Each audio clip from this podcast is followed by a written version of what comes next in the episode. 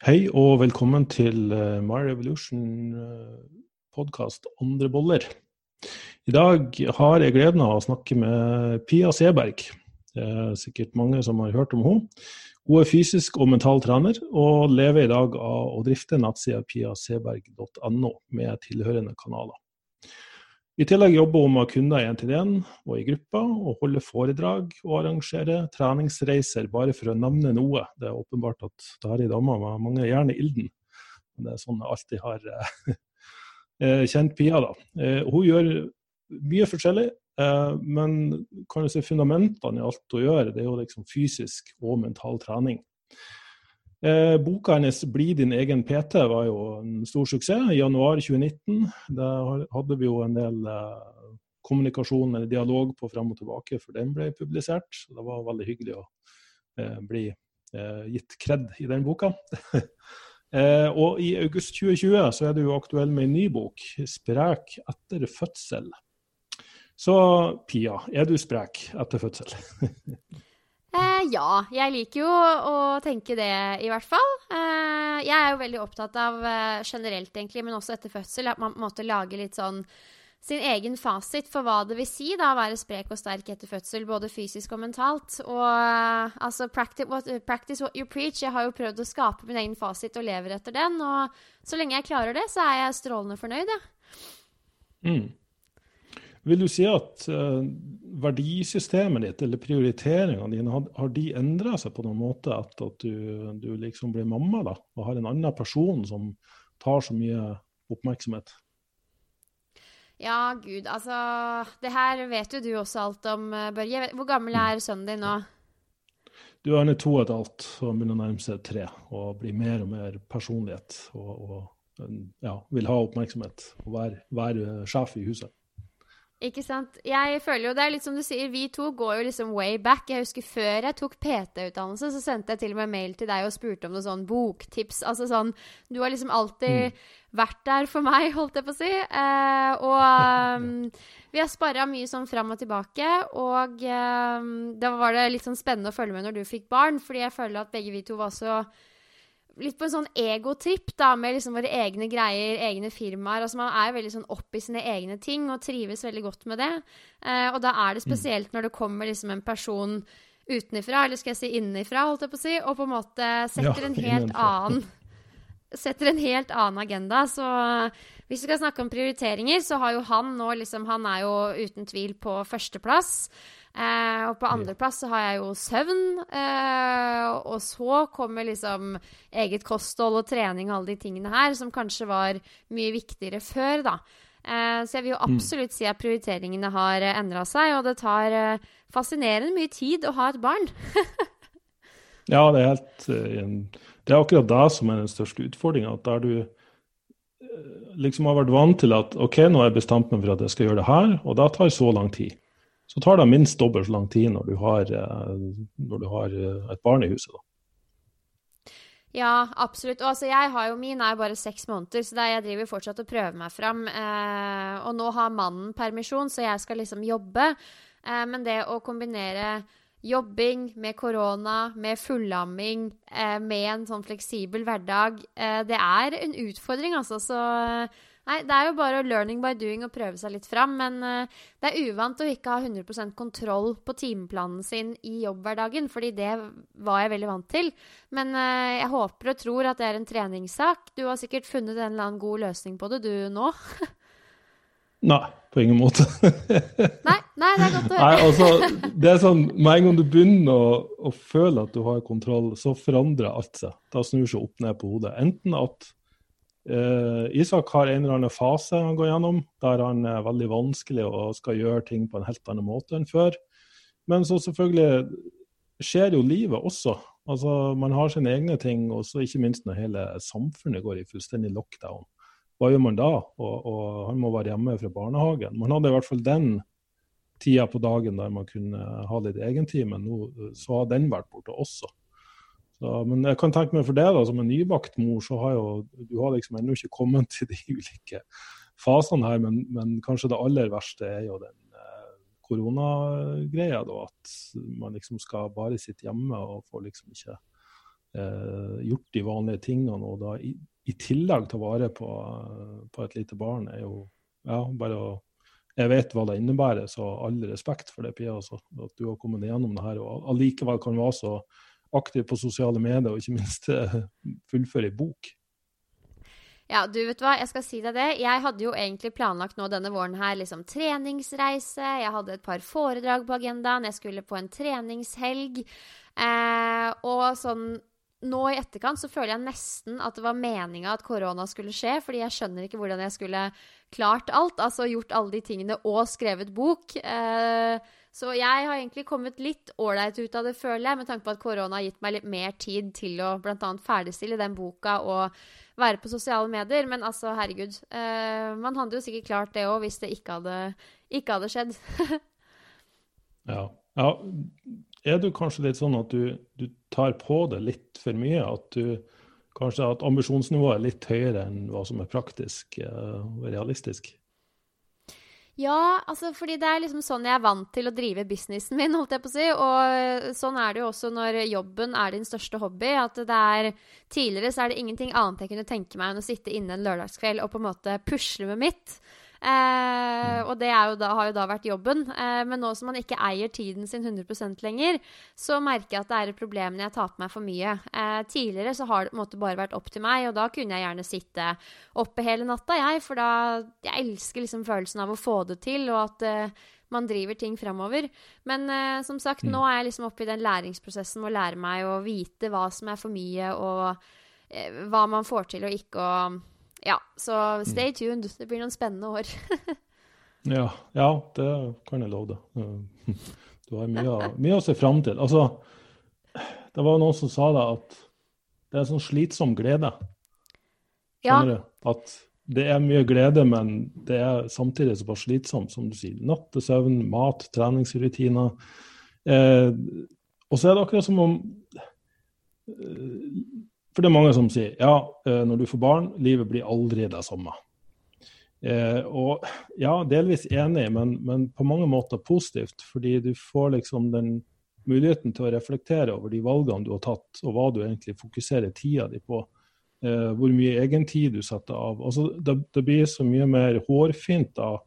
Hvis du tyner strikken litt for langt, så får du en direkte feedback både fra egen kropp og fra barnet ditt på at hei, nå må du uh, roe nappa litt. Absolutt. Og så tror jeg begge vi to kan kanskje være enige at det er litt godt å bli dratt ut av den ego-bobla si òg. Altså, jeg har jo holdt på sånn i nesten ti år, og når jeg ser på det nå når jeg har fått barn og bruker mye tid på andre ting, så tenker jeg at uh, det er sunt da, at man uh, blir trukket litt ut av alt det liksom fokuset på seg selv og sitt, og får muligheten til å ta litt vare på andre, og man får liksom sterkere familiebånd og ja, flytte fokuset litt. Da. Jeg tror egentlig sånn på sikt at det er en sunnere måte å leve livet sitt på. Så det er ikke noe sånn med bitterhet at jeg nå på en måte skalerer ned tiden jeg bruker på jobb. Det er mer bare at jeg må lære meg den nye måten å leve på. Men uh, jeg kjenner jo også at jeg er litt ferdig med det å sitte seint oppe og jobbe masse, masse og hele den pakka der. Uh, så nå skal jeg liksom fokusere på å naile balansen framover. Men det er litt deilig å ikke være på den egotrippen 24-7.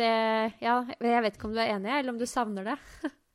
jo, jo, da. Eh, jeg er faktisk veldig enig.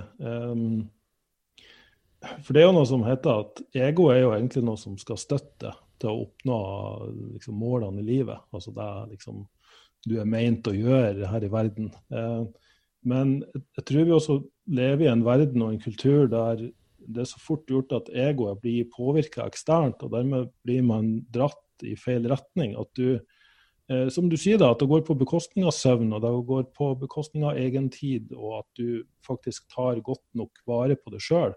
Jeg føler at balanse er jo blitt et sånt klisjékonsept. Hva er balanse, liksom? Du blir hele tida pusha og dratt. Om du ikke gjør det sjøl, så gjør andre det for det i, i en eller annen retning. Så, så da å finne et sånt punkt, da, der du liksom at alt er i likevekt, det, det, har jeg funnet så å si umulig. altså. Det vil alltid være litt for mye ene eller den andre veien. Så Jeg vet ikke hva du tenker når du, når du siden du har jo skrevet bok, eh, 'Sprek etter fødsel'. Har du jeg forstår at denne boka er, jo, er basert på egne erfaringer og um, det her med å komme i form etter fødsel. Og, og det er jo noe jeg sjøl har uh, vært borti. Ikke for min egen del, jeg var jo ganske sprek hele veien. Men min samboer, selvfølgelig. Det her å få kroppen tilbake etter fødsel.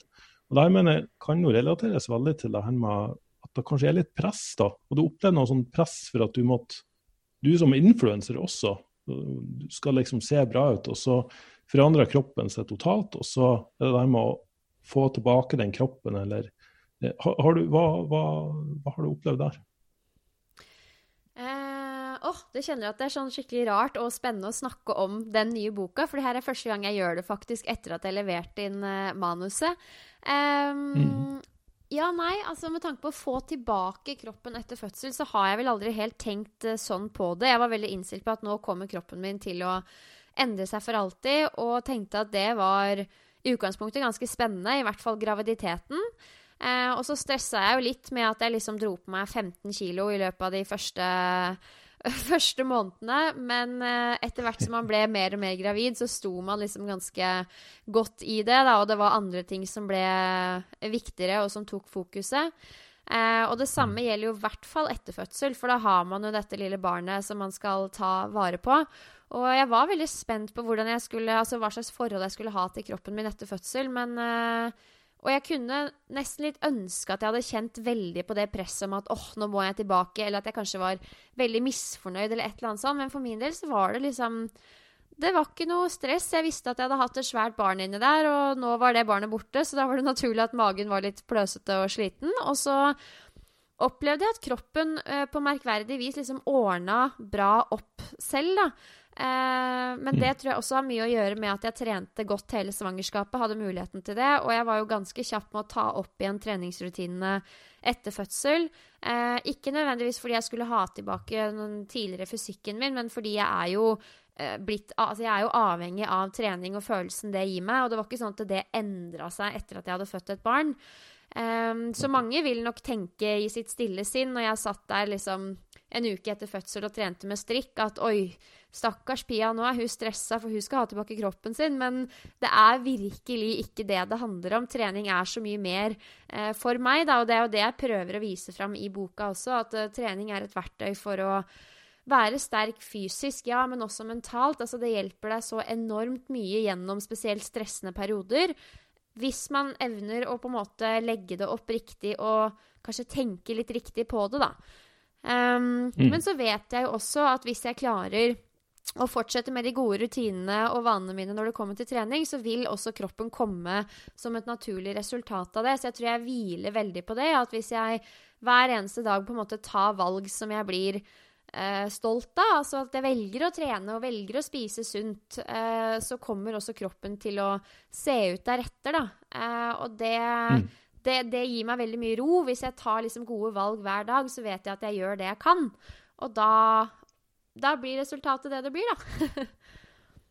ja, og det virker som du er, vil jeg seg på en positiv måte mer eh, opptatt av de rutinene, da, de vanene. Eh, da, og, uh, at det ikke er et sånt mål der framme om man skal se ut på en bestemt måte. og Det er jo egentlig alltid derfor jeg har likt det så godt, fordi jeg syns du er et veldig godt forbilde med at du, du, har fokus på de riktige tingene. Det er ikke utseendefokus, men det er mer ja, prestasjon og, og gjennomføringsevne. Um, og, og, veldig viktig da, du sier om at du hadde allerede tilrettelagt de gode vanene og rutinene før du gikk gjennom det her. Og da ble veien tilbake mye enklere enn om at man begynner et sånt hardkjøre og et race liksom, om å skal få tilbake kroppen etter en fødsel, eller hva enn slags livssituasjon man har vært gjennom. At, um, at det blir litt sånn um, fryktdrevet i stedet for uh, OK, jeg vil, jeg vil, ha fokus på både egentid og noe jeg vet som gjør meg bra og får meg til å føle meg bra. For jeg tror utfallet blir så mye bedre. Altså, det, altså Uavhengig av målet framme, så tror jeg at du ender opp på et mye bedre sted hvis innstillinga du starter med, er nettopp den du sier. da. Eh, så, så, um, og, og, da slår meg litt det her, For noen år tilbake så fikk jo da fotballfruen massiv kritikk, for hun la jo ut bilder av kroppen sin etter en fødsel. og Hun så jo ut som om hun ikke hadde født et barn. Um, og samtidig, da, da, tenkte jeg litt sånn Men hvorfor skal det være kritikkverdig? Fordi det her er jo ulikt for alle. Um, og det er ikke sikkert at hun på en måte har sultefòra seg gjennom svangerskap eller sultefòra seg etterpå for å se ut sånn. Men jeg tenker at la det være OK hva som nå enn skjer med den kroppen gjennom den perioden. Du skal jo tross alt gi liv til et uh, Altså du skal føde et nytt liv, liksom. Uh, og så kanskje heller fokusere mer på den daglige prosessen, gode vaner og, og rutiner. Jeg vet ikke, hva, du, hva, tenkte du gjennom den prosessen? Hvordan, hvordan ønska du at dette skulle være? Og, eller hadde du, noe, hadde noen forventninger av hvordan utspilte det her seg for deg? Eh, jeg hadde jo jobba litt med topplokket mitt i forkant, og jeg var veldig innstilt på at uh, Holdt jeg på å si for en gangs skyld. Altså, jeg er veldig glad i å ha liksom planer uh, og være forberedt på det som kommer, men jeg skjønte jo ganske kjapt at jeg kunne ikke forberede meg på det vi kaller fjerde trimester, da. Jeg måtte bare virkelig ta det som det kom. Så jeg var egentlig innstilt på at jeg skulle la holdt jeg på å si, joggeskoa hvile så lenge som det føltes riktig ut. Jeg hadde ikke noe sånn at jeg skal komme i gang med trening da og da. Jeg måtte bare kjenne på kroppen. Eh, mm. Så jeg hadde vel egentlig ikke noe plan i det hele tatt, men det bare kom så naturlig for meg. Altså, trening og bevegelse er liksom en så naturlig del av hvordan jeg lever livet mitt. Og når jeg da satt liksom 15 timer i døgnet og amma et barn, satt stille, eh, så var det veldig naturlig for meg å legge inn litt bevegelse der jeg kunne, da. Um, men det er jo viktig å understreke at det der hvor jeg er uh, mentalt når det kommer til trening og kropp og utseende, det har jo tatt tid å komme dit. Uh, og som jeg nevnte innledningsvis, jeg, um, altså jeg, vi har jo fulgt hverandre over lang tid. Og hvis vi spoler tilbake ja, jeg vet ikke, en åtte-ti år, så var jeg jo et helt annet sted. Da fulgte jeg jo liksom ulike fitnessprofiler, og jeg gikk på torsk- og brokkolidietter. Uh, og liksom hadde et helt annet fokus. Og jeg tror det er fordi jeg har gått i alle de fellene som finnes, at jeg har kommet dit jeg er i dag. Og det tror jeg gjelder på en måte litt deg også. Du har jo hatt den der karrieren din innen fitness og hele den biten der. og man har på en måte prøvd så mye rart som har gjort at man har kommet dit at man skjønner at uh, det er ikke bærekraftig over tid, da. Uh, så det mm. forma jo også tankegangen min når det kom til ja, kropp og rutiner etter fødsel. Bare liksom Kom i gang med det som får deg til å føle deg bra, eh, fordi det er det sannsynlig at du kommer til å klare å holde over tid. Og kontinuitet er jo det som gir resultater. Og det er klart, jeg tenker jo på det at jeg har lyst til å ha en sterk og trent kropp som på en måte reflekterer meg og hvem jeg er og jobben jeg driver med. Men jeg vet at det finnes ikke noe snarvei dit. Det er på en måte bare snakk om de gode valgene over tid som jeg klarer å leve med, da. Så det er derfor jeg bare liksom har landa i det at uh, det er planen min, liksom. Og det er det jeg har lyst til å hjelpe folk til også, på en måte velge den veien framfor å prøve seg på de snarveiene. Fordi eh, de funker jo veldig sjeldent, alle de snarveiene som eh, lover gull og grønne skoger. Men når alt kommer til alt, så er det liksom balansen som funker, da. Men den er jo ikke så lett å finne alltid. Men ja, prøve å finne sin egen balanse som funker over tid. Det er vel kanskje det jeg brenner for. Mm. Ja, veldig gode poeng. Akkurat det med å klare å lytte litt innover i stedet for utover, tror jeg mange har veldig godt av. Um, vi opplevde jo også at um, det å gjennomgå en fødsel, det er jo som om absolutt alt i kroppen, alle hormonsystemer og, og biologien eh, innretta seg på å være i mest mulig balanse, vil jeg si, selv om det ikke kan virke sånn underveis. da. Men um, i, i, i, vårt tilfelle, eller samboeren min, da, så, um, så har kroppen hennes fungert mye bedre, altså vært mer si, samarbeidsvillig. Jeg vet ikke om jeg, om jeg liker det ordet, men, men, det er akkurat som om kroppen har fungert mye bedre etter en fødsel. Sannsynligvis fordi at det måtte gjennomgå den prosessen det er da og, og, og, liksom la en baby vokse i magen og, få den her ut og gi, gi et nytt liv. da. Eh, har, har, du merka at har du merka noen noe, noe store endringer i forhold til hva du føler det best på med mat og trening etter, etter fødselen? Ja, for du tenker på å fungere bedre med tanke på respons på trening og kosthold, og hvordan ulike, ulike matvarer får deg til å føle deg, og litt sånne ting? Ja, rett og slett. Ja, altså, og det er artig at du sier, for det her er ikke noe jeg har uh, eh, snakka høyt om, fordi jeg aner ikke om det på en måte er en greie, om det finnes noe forskning på det og hele den sulamitten der. Men jeg opplever virkelig at kroppen min er blitt uh, Altså, den liksom Den funker bedre. Maskineriet er liksom, hva skal jeg si, litt mer oppe og nikker. Jeg tåler karbohydrater bedre. Jeg føler at den bensinen jeg gir kroppen min, er liksom Jeg har en litt sånn større motor, og det er også fordi jeg ammer, da, så jeg bruker jo sikkert mer energi. Um, mm. Så jeg, jeg, føler på en måte at den responderer bedre på både mat og trening, egentlig. Og det følte jeg mm. vel at jeg så i forkant før fødsel, og når jeg så på litt sånn andre treningsjenter som hadde født, at det er jo veldig mange som får ganske gode resultater eh, med treninga, som føler seg veldig bra etter en fødsel. Jeg aner ikke liksom, hvilke sammenhenger som ligger der, men det har jeg egentlig opplevd selv også, at eh, ja, man er jo sliten og har, sover lite og litt sånne ting, men til tross for det så funker kroppen ganske bra på trening. Og som sagt, jeg føler at mat som jeg tidligere eh, kanskje ikke takla så bra, så jeg ble sånn sliten av å spise masse pasta og spagetti og hele den pakka der, men nå bare kjører jeg nedpå med det, og det, det er akkurat som kroppen bare liksom tar det opp og gir tilbake på trening, da, og det er veldig sånn godt å kjenne. Så et eller annet har liksom skjedd, uten at jeg kan si noe mer enn det. Det blir en veldig sånn subjektiv opplevelse, men det er interessant å høre at samboeren din også opplevde litt av det samme, da. Ja, og det er så mye vi, vi opplevde at uh, du ikke egentlig finner på nett eller kan lese bøker, eller at noen nødvendigvis forteller det. Så, så veldig mye blir nytt. Men når du først blir oppmerksom på det og begynner å kanskje snakke litt om det andre, så er det mange som sier ja, nei, men det, det opplevde jeg også. Det, det, har du helt rett i. Det, sånn var det for meg også. Og det er klart, det var kanskje litt vanskelig å skulle gjøre mye forskning på, på damer som går gravide eller ammer. Det er jo et sånt jeg vil si, ømfintlig tema. Du skal ikke forstyrre den prosessen for mye, uansett hva det er snakk om.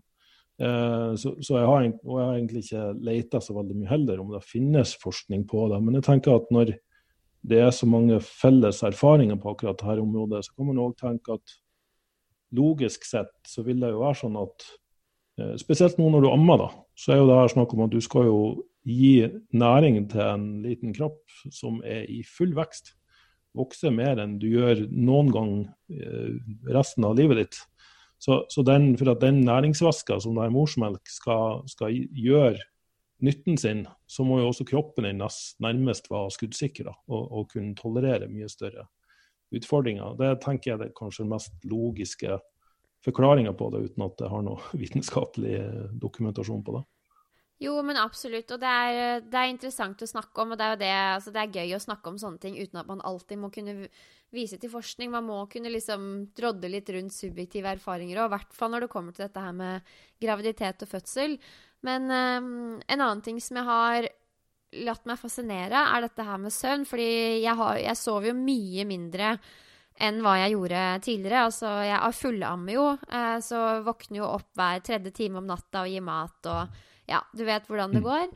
Um, og uh, det er fascinerende hvor bra kroppen funker, ja, som vi snakka om på trening, men også at man føler seg ganske ålreit til tross for at man har så lite søvn. For vi vet jo hvor mye søvn har å si for uh, velvære og altså fettforbrenning og det å bli sterkere, og man snakker jo om at det er liksom den viktigste faktoren.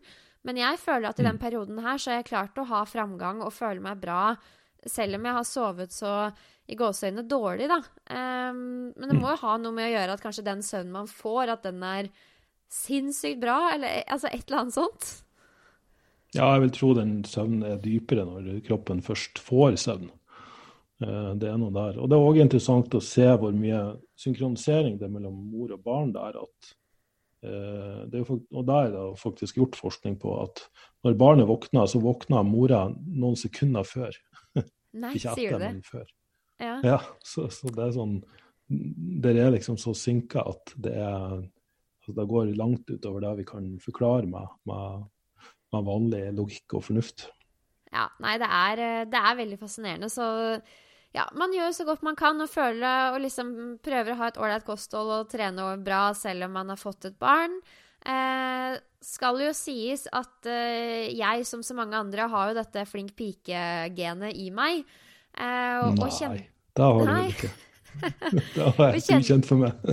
Nei, jeg kjente, og der, der, må man være flink til å, å, bremse litt også, for eh, jeg kjente en periode at jeg kanskje pusha det litt vel mye med eh, jobb og trening, og at det gikk utover melkeproduksjonen. Eh, og det er mm. vanskelig å spotte selv, for det var mamma som sa til meg det at eh, det tror jeg henger sammen med at nå pusher du litt for hardt, da. Eh, og så tok ja. jeg det ned noen hakk og dro ned intensiteten på treninga veldig og valgte å sove mer. Og da tok jo melkeproduksjonen seg opp igjen. Så det er litt viktig mm. å være Altså, man skal liksom Man skal pushe seg selv, men på en sunn måte, og vite når man skal bremse. Og det er jo den balansen som er så vanskelig å liksom å finne. Jeg tror mange syns det er lettere å bare velge ekstremvarianten, fordi da er det bare å kjøre full pinne. Men det er jo ikke den ja. som er holdbar over tid, det er jo den balansen. Så um, ja, det er litt viktig. Ja, vi, vitsa, vi vitsa faktisk litt om det den tida at eh, skulle nesten ønske at alle kunne ha, oppleve å ha melkeproduksjon en periode. Fordi ja. det er en sånn direkte feedback på at OK, nå må du ta det med ro. Før hodet ditt klarer å innse det, så har du en direkte feedback fra kroppen din på at OK, nå er det litt nå er du litt uh, på overtid her. Veldig godt poeng. Det er det, ja, det er sånn det skulle vært, ja. ja. Kanskje de utvikler en pille en dag der menn også kan få melkeproduksjon og sånn direkte ja. treningsfeedback. det er det som Nei, men det er, vel, det er jo faktisk utvikla drakter sånn at menn skal få kjenne hvordan det er å ha alt fra menstruasjonssmerter til, til fødselsriet. Uh, og, og det var vel det som fascinerte meg mest, at jeg anser meg sjøl for å være en ganske stor og tøff kar. Men dere kvinner, altså. Det er bare å bøye seg i støvet for hva, hva dere er i stand til å, å gå gjennom og tolerere. Det, det, det, er interessant, altså. Altså for å si det sånn, Jeg tviler på at den drakta klarer å gjenskape en fødsel 100 for å si det sånn. Fordi det Altså, altså å, å, tolerere fødselssmerter nå, nå, er det jo veldig ulikt da, hvordan man opplever fødsler, og alle fødsler er jo, jo. også. Men for meg altså, ja. Jeg følte ikke at jeg tolererte en dritt. Jeg bare var der og ville bare dø, for det var så, altså, det var så intense smerter. Og som jeg mm. nevnte tidligere, jeg er jo glad i å forberede meg. Jeg hadde med meg pusteplan og hele den pakka der. Altså, det var ikke, det var ikke snakk om. Så det var, eh, nei, det var en fascinerende opplevelse. Om ikke annet veldig fint å kunne gjøre sammen med kjæresten. Men det var um, Nei, det var overraskende vondt. Jeg tror i forkant så tenkte jeg at det, det, er så mange kvinner i verden som har gjort det. Altså alle har gjort det. Det kan ikke være mm. så vondt. Men, mm. men, jo, det kan det. det kan det, faktisk. Ja, ja fy søren, det var ekstremt, ass. Ja. ja, du føler du pusher grensene der, kan jeg tenke meg. Ja, du kanskje har fått høyere smerteterskel også etterpå, fordi liksom, du har flytta lista såpass høyt opp nå at det å kjøre 20-repper i knebøy er ingenting i forhold. Ja, det, altså nå sa du det jeg tenkte, holdt jeg på å trene til utmattelse i knebøy er på en måte ingenting lenger. Nei, sant. Hvordan, eh, hvordan syns du hverdagen som For det er jo igjen, det er jo høyst subjektivt. Men, men, du som altså da var gründer, entreprenør, og da skal liksom skape sin egen hverdag, eh, eller skape sitt eget liv og sin egen framtid um, Og spesielt nå når, når denne koronakrisen kom, og du liksom får en, en situasjon som mangler sidestykke i historien. Eh, og jeg ser folk sin respons på frykt eller på ukjente situasjoner er jo gjerne Alt fra å lage konspirasjonsteorier til å ignorere deg fullstendig. Altså, det er den klassiske Enten er du in denial, eller så er du kjemperedd, eller så er du deprimert og motløs. Har du sjøl gjort deg noen refleksjoner rundt altså Hvordan har du respondert på det her, da? Du som attpåtil er så avhengig av å faktisk kunne, kunne ha et åpent samfunn, vil jeg si, på, på mange av de tingene du gjør. Ja, jeg er jo det, men samtidig så har jeg jo også et digitalt bein å stå på som har gjort ting eh, ganske mye enklere fordi jeg har muligheten til å flytte fokus over dit. Så der hvor jeg tidligere kanskje møtte mange kunder fysisk og arrangerte treningsreiser og holdt foredrag, eh, så har jeg nå jeg har fokusert litt mer på digitale ting. Um, men det er klart at når noe sånt skjer, så Man kjenner jo på hele følelsesspekteret, og jeg hadde jo også noen dager hvor jeg var kjemperedd og liksom klagde og hadde veldig fokus på alt som var negativt med dette her. Eh, men er jo skrudd sammen sånn at jeg ganske kjapt går inn i på en måte en modus der jeg prøver å se muligheter framfor begrensninger. Eh, og føler at det har redda meg litt ut av dette her, på den måten at jeg, jeg har satt i gang digitale prosjekter, og på den måten får hjula til å gå rundt, da. Og um, det fascinerer meg hvor mye tid folk kan bruke F.eks. gründere, entreprenører i treningsbransjen. Hvor mye tid man kan bruke på å eh, klage og altså, være på Facebook og diskutere opp og ned og mente, når man isteden kunne på en mm. måte jobba med å utvikle litt sånne ting som møter de utfordringene vi er oppi, og som kanskje hadde gjort situasjonen lettere for de selv, da. Um, mm. For det handler jo om å klare å ja, møte vanskelige situasjoner med sånn løsningsorientert tankesett. Uh, og der føler jeg jo kanskje at eh, noen av oss har litt å gå på. Eh, for det er jo alltid en eller annen mulighet, altså når noe sånt skjer, til å skape noe nytt, eh, gjøre noe nytt, et eller annet. Eh, så det har på en måte vært min redning i det hele. Da, at jeg prøvde å se på det som en utfordring og tenke at OK, nå skal jeg kaste meg rundt og prøve å løse dette her på best mulig måte. I hvert fall så er det ikke sikkert det går veien, men da jeg skal i hvert fall vite at jeg har prøvd. Eh, og det mm. er jo et veldig sånn fremoverlent tankesett som ja, man har jo opparbeida seg det fordi man jobber med mental trening, og det er litt sånn man har blitt skrudd sammen. Eh, sier ikke at jeg ikke kjenner på hele resten av liksom alle ja, av følelsesspekteret, men det handler om å velge å være løsningsorientert, da. Og det prøver jeg å være. Ja. Ja, jeg tror nok det er en, rett og slett en treningssak. For det er mange som går automatisk inn i en sånn offermentalitet. eller noe sånt. Nei, sånn er jeg. Sånn tenker jeg. Da er jeg bare med. Men jeg syns ikke man skal begynne å definere seg ut fra reaksjonsmønster eller tankemønster, men mer sånn OK, men det du tenkte eller det du gjorde der, det var, det var ikke fullt så nyttig. Så prøv å finne noe som er mer nyttig som reaksjon. Og så begynne å øve mange nok ganger på den til at den blir mer automatisk enn det gamle mønsteret. Så det her med å innse at Jeg vil jo si at de som klarer seg best, hvorvidt det er koronakrise eller krise ellers i livet, det er de som er evner å tilpasse. Altså Hvor tilpasningsdyktig du er, er nummer én i overlevelsesevne, uansett hva slags situasjon vi, vi snakker om. Absolutt, og det er jo det, hvis vi skal snakke om liksom ren trening igjen nå, det er jo det det handler om liksom også etter fødsel, f.eks. Da kan du snakke om tilpasningsdyktighet, altså evne å fortsette mm. med forholdsvis gode vaner og rutiner selv om hele livet er blitt snudd på hodet. Og der er det jo veldig mange som sliter, ikke sant. Og også når Ola og Kari Nordmann drar på ferie, da blir det plutselig umulig å fortsette treninga, for hva skal man gjøre da? Nå er man jo plutselig på Gran Canaria. Altså sånn ja. Det er eh, det å ha evnen til å ha et litt sånn uh, mer uh, hva skal jeg si, fleksibelt tankesett i livet, både når det kommer til trening, men også andre ting, det er jo en kjempeviktig mental egenskap. så ja.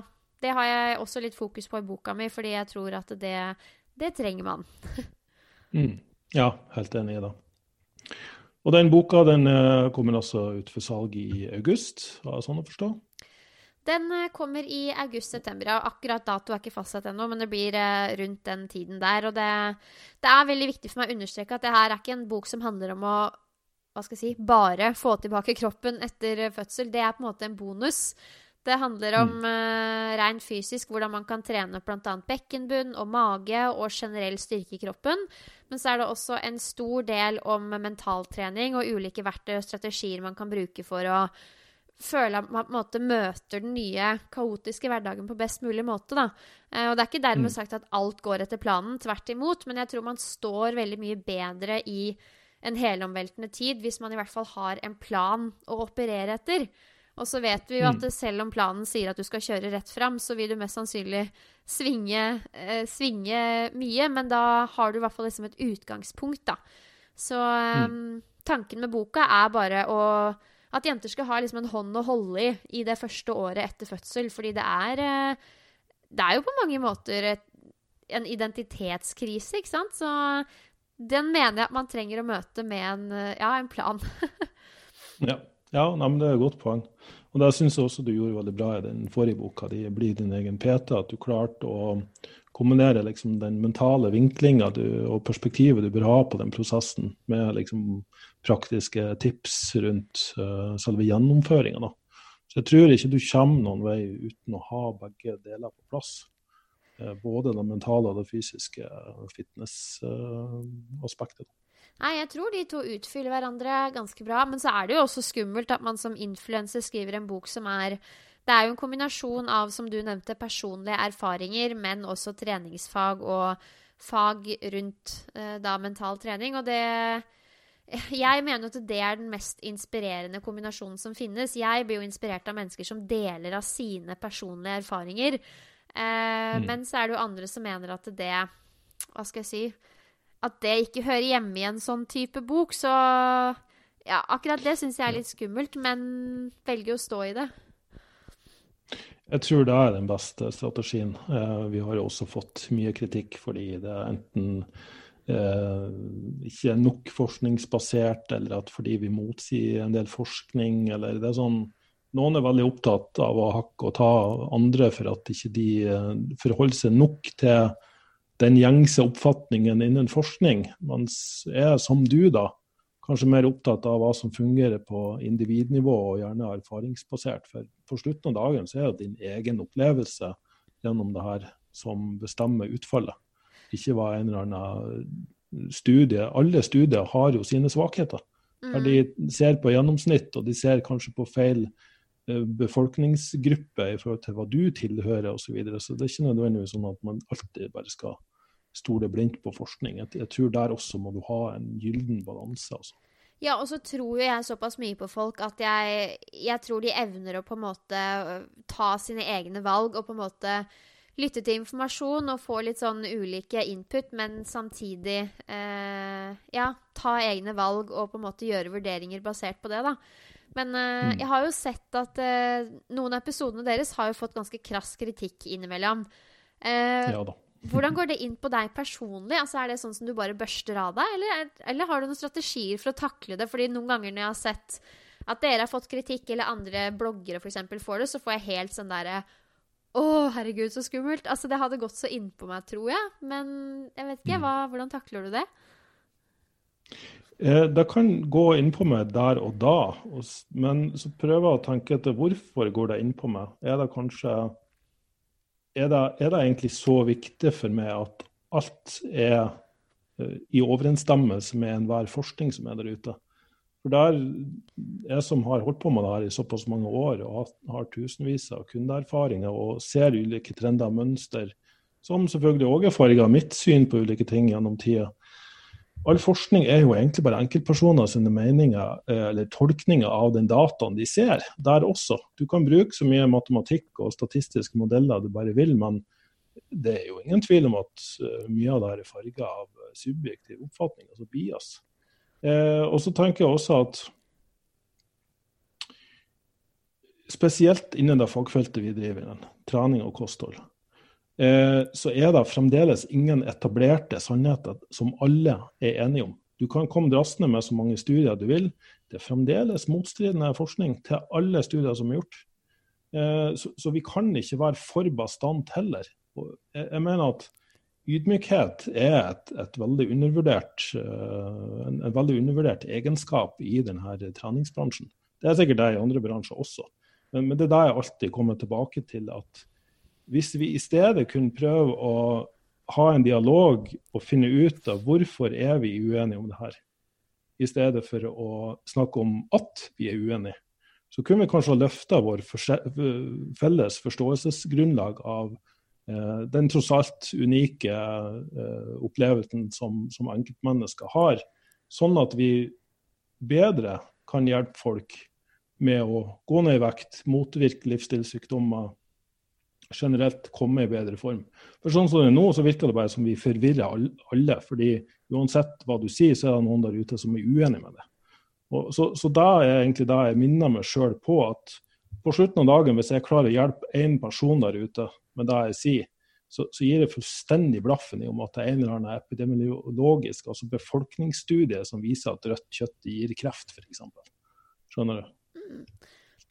Ja, absolutt. Og det, er, altså det med ydmykhet, det, det, det, er jo en av de grunnene til at jeg alltid uh, har følt meg veldig sånn trygg når jeg har henvendt meg til deg, fordi jeg vet at du er en av de mest kunnskapsrike vi har på en måte i Trenings-Norge. Men samtidig, uansett hva for noen dumme ting jeg kunne funnet på å sende til deg eller spørre deg om, så svarer du meg alltid med en for, altså, respekt, men også en form for ydmykhet. Da, og det gjør det veldig sånn trygt å sparre. Eh, mm. Og mye mer motiverende å søke svar hos andre enn når du på en måte gjør det, men blir på en måte redd for å bli tatt, da. Eh, ja. Så der har jeg alltid liksom tenkt litt på hvordan du har møtt meg, og prøvd å ta med det videre ut i kommunikasjon med andre. Og jeg merker jo når jeg henvender meg til de i bransjen, så er det jo de som har en form for ydmykhet og på en måte, hva skal jeg si, et åpent, åpent sinn, da. Mm. Ja, jeg tror den såkalte Dunning-Krüger-effekten, som vi har vært innom en del ganger, der meninga om egen kunnskap kan gjerne styre graden av ydmykhet. Altså Hvis du er der at du oppfatter deg sjøl som en ekspert som sitter på alle svarene, nesten uavhengig av hvor mye du faktisk kan, så, så mener jeg at du, du, da har du tapt. Da, da, vil du aldri nummer én klare å utvikle det eller lære noe mer. Og nummer to så fremstår du bare som en, som en dust, altså. Det, det er sånn som, som, du sier, det er mye mer imøtekommenhet mellom mennesker som har ja, la oss si been there, done that. Jeg har vært der at jeg var kjempebastant og trodde at jeg hadde sannheten og svaret på alt. Men jeg har liksom fått jeg, liksom, jeg har lært meg etter hvert å stille spørsmål ved absolutt alt jeg kan. Og det kan selvfølgelig også være en, en stor ulempe da. Men, men det, gjør, det tvinger meg sjøl også til å være åpen for at det finnes andre sannheter der ute. Det finnes andre innfallsvinkler og perspektiv. Og når jeg klarer å sette meg litt inn i de motstridende eh, perspektivene, så får jeg også en bedre breddeforståelse av hvorfor eh, ting fungerer i ulike kontekster hos ulike personer. Mm. Så, så, jeg oppfordrer alle der ute som driver med det her, til å være litt mer ydmykhet og litt mer åpen, og kanskje prøve å møte andre på en litt annen måte enn, du har gjort hittil. Mm. Nei, absolutt. Er, uh, man, må redd, man, må ikke være redd for å snakke ut og høyt om de tingene man uh, mener, og så får heller bare andre mene noe annet. ja, da tenker jeg en, en fin takeaway på på denne eh, podkasten. Men uh, Pia, da skal ikke jeg eh, oppholde deg noe mer. Uh, da vil jeg bare si tusen takk for at du var med. Og som vi sa innledningsvis, så kan folk uh, finne ut mer av det på piaseberg.no. og så er du vel også aktiv på Instagram, og er det noen andre steder vi kan finne ut mer om det? Nei, Instagram og YouTube det er vel der jeg opererer mest, i tillegg til piaseberg.no. Så ja, der finner du meg. Ja. Og bøkene dine kan også kjøpes i alle bokhandler. Ja, ja, ja. Ja. Nei, men da sier jeg tusen takk, og uh, forhåpentligvis kan vi ha det med flere ganger. For det, det er alltid hyggelig å, å prate med deg. Gjerne det. Takk for meg.